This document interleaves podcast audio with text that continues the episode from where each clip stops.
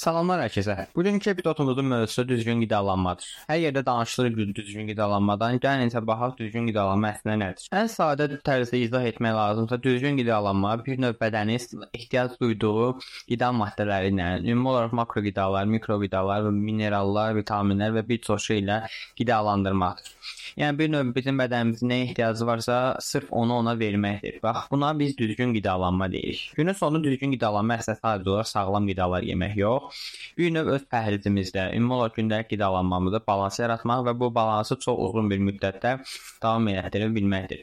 Yəni müəyyən qədər düzgün qidalanma başladıqda bunu bir həftəlik bir plan kimi yox da, məsələn, illərlə sərf edəcəyimiz və ən azından sezonluq olaraq, çünki əgər idmanla məşğul olsa ola bilər bəzi dövrlərdə bulk dediyimiz yəni kökəlmə, çəki artırma, ki, əsasən burada əzələ artırma və yaxud da kat dediyimiz bir növ bədəni daha yaxşı hala salmaq ola bilər. Bu ərəfələrdə ola bilər ki, müəyyən qədər qidalanma planı. Ola bilər ki, yox, ümumi olaraq olacaqdır.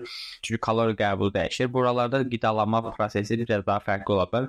Amma günün sonunda əsas olan odur ki, nisbət cəhətdən hər zaman davamiyyəti uzun olan pəhriz növünü özümüz üçün seçib həmin pəhrizə adaptasiya olma və bədənimizə ehtiyac duyduğu bütün qida maddələri ilə təmin etməkdir. Bəs balans yəni nə nəzərdə tutulur? Balans yəni Əslində əsasən bu hamımızın bildiyi və yaxud da hamımızın ümumi olaraq iqtisadiyyatla maraqlanan 80-20 prinsipi ilə yəqin ki, yaxından ən azından bir neçə dəfə eşitmişdilər.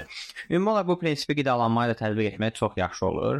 Ümumi olaraq məsəl üçün əgər 2000 kalori ilə qidalanma ola bilirsinizsə, həmin 2000 kalorinin 80%-ni sağlam qidalardan, qalan 20%-ni isə bir növ gündəlik olaraq yemək istədiyimiz, yəni özümüzün istədiyi bu şirniyyat da ola bilər və yaxud da hər hansı bir fast food tipli amma kalori üstünə nəzarət etmə şəklə bu tipli qidalara yönəlib onları yeməkdir. Burada əsas məqsəd odur ki, real danışsaq ümumi olaraq həyatımız boyu sırf sağlam qidalarla qidalanmaq həm biraz bu davamiyyətliliyi az olan bir şeydir. Mən özüm belə nə qədər illərlə də yaxşı qidalanmağı, öz bədənimə nə qidalanmamı nəzarət etməyə çalışıram. Yəni qətiyyən gün ərzində və yaxud da hər zaman sağlam qidalarla qidalanmaq olmur. Bəzən ürəyimiz ən azından bir parça da olsa şokolad və ya sizdə fərqli ola bilər. Bu amma ümumi olaraq e, düzgün qidalanmadan daha fərqli olan, daha sağlam qidalardan daha fərqli olan bir şey də istəyir bədənimiz etmişsiniz. Bəs ümumi olaraq sağlam qida diyetə nəzərdə tuturuq? Ümumi olaraq əsas əgər balanslı qidalanmaq istəyirsinizsə, burada əsasən öz bir növ gündəlik qida rasionunuza meyvə, göyərti, ət, balıq, toyuq, süd və süd məhsulları müəyyən qədər əlavə etməlisiniz.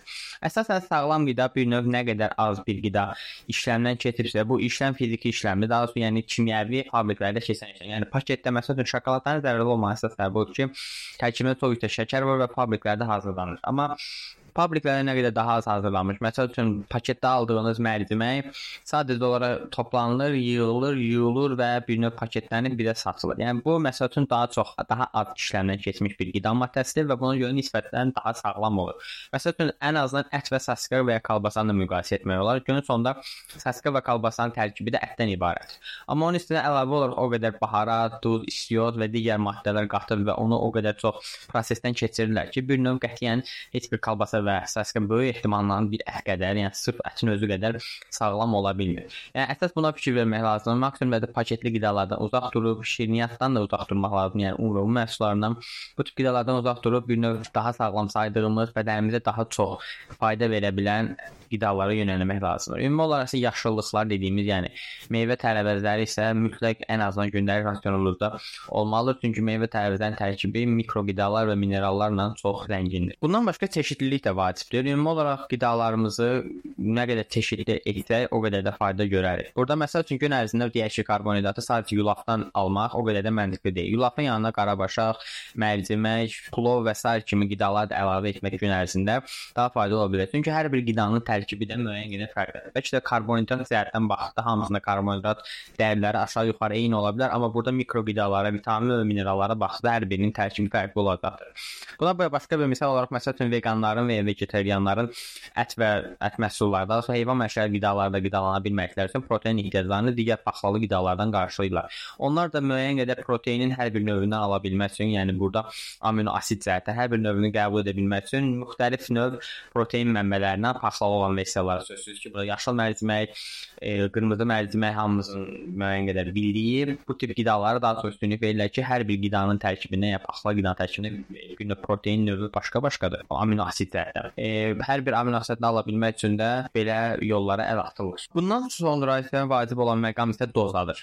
Sözsüz ki, hər doza çox vacibdir. Ümumi olaraq bir şey sağlam, daha doğrusu bir şey faydalı və zərərli edən şeylərdən əsas bir şey dozadır. Yəni hər bir şeyin dozasında qəbul etmək lazımdır. Burada dozada əsasən buna fikir vermək lazımdır ki, ümumi olaraq gündəlik həyat aktivliyimizdən, yaşımızdan, cinsimizdən asılı olaraq qəbul etməli olduğumuz kalori dəyişir və buna uyğun olaraq öz balansımız, öz qidalanmamızı, öz balansımızı yaratmalıyıq. Məsəl üçün ümumi olaraq bir uşağın yediyi qida ilə, daha doğrusu tələb etdiyi qida ilə kalori cəhətdən bir böyük bir insanın qəbul etdiyi tamamilə fərqlidir. Və yaxud da ən azından gün ərzində idman etməyən insanla da idman edən insanın ehtiyacları tamamilə bir-birindən fərqlidir müəyyən qədər mütləq və mütləq gündəlik nə qədər kalori qəbul etməli olduğumuzu ən azından internetdə hər hansı bir saytdan araşdırmalı, öyrənməli, hesablatdırmaq lazımdır. Bunu bildikdən sonra isə öz gündəlik qidalarımıza ona uyğun hər hansı kalorinin hansı qidalardan, hansı növ qidalardan alacağımızı hesablamaq, mühüm olaraq bilmək, gündəlik rasion tutmamıza, gündəlik olaraq nə yeyəcəyimizi nəzarət etməmizə daha faydalı olacaqdır. Bunun hesabından bir növ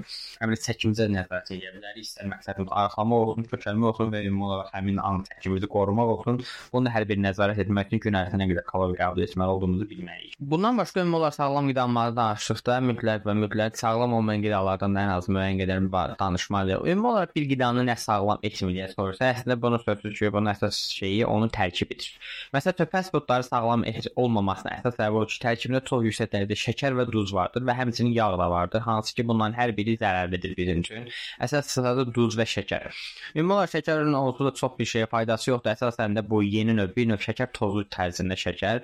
Öz ki, meyvələrin tərkibində olan və digər qidaların hazır tərzində öz tərkibində olan, yəni əlavə olunmamış şəkər müəyyən qədər bədənimizin ehtiyacıdır, çünki bu bir karbonhidrat növüdür. Amma digər əlavə olunan şəkər və duz bir növ bədənimizdə mənfi reaksiyalar səbəb olur. Bundan başqa əlavə olaraq bir çox fast foodlarda da sözsüz ki, istifadə olunan yağ o qədər də keyfiyyətli yağ olmayacağına görə burada doymuş və doymamış yağ nisbətləri və s. də böyük rol oynayır. Ha bunların hər biri ümumi olaraq fast foodları və fast food tipli qidaları, isə fast foodlardan əvvəl un və un məmulatları, şirniyyatlar, bunların hamısı tərkibi yüksək şəkərlə sahibdir və bundan başqa olaraq mağazalarda satılan işlənmiş və paketlənmiş qidalar olsunlar, buna cipslər və s. digər krakerləri nəzərdə tuta bilər. Bunların hamısının əsas səbəbi ilə, yəni zərərli olmasının əsas səbəbi budur. Yəni tərkibində əlavə olunmuş şəkər və duz hansı ki, həmin qidaların tərkibində yoxdur, sadəcə o əlavə olaraq ora bir növ əlavə edilir, yəni dolayı olan birbaşa yolla əlavə edilir. Bunlar bu tip qidaları zərərlidir və bizim bədənimizin bir növ bu qədər yüksək şəkərə və duza ehtiyacı olmadığı üçün bu bizdə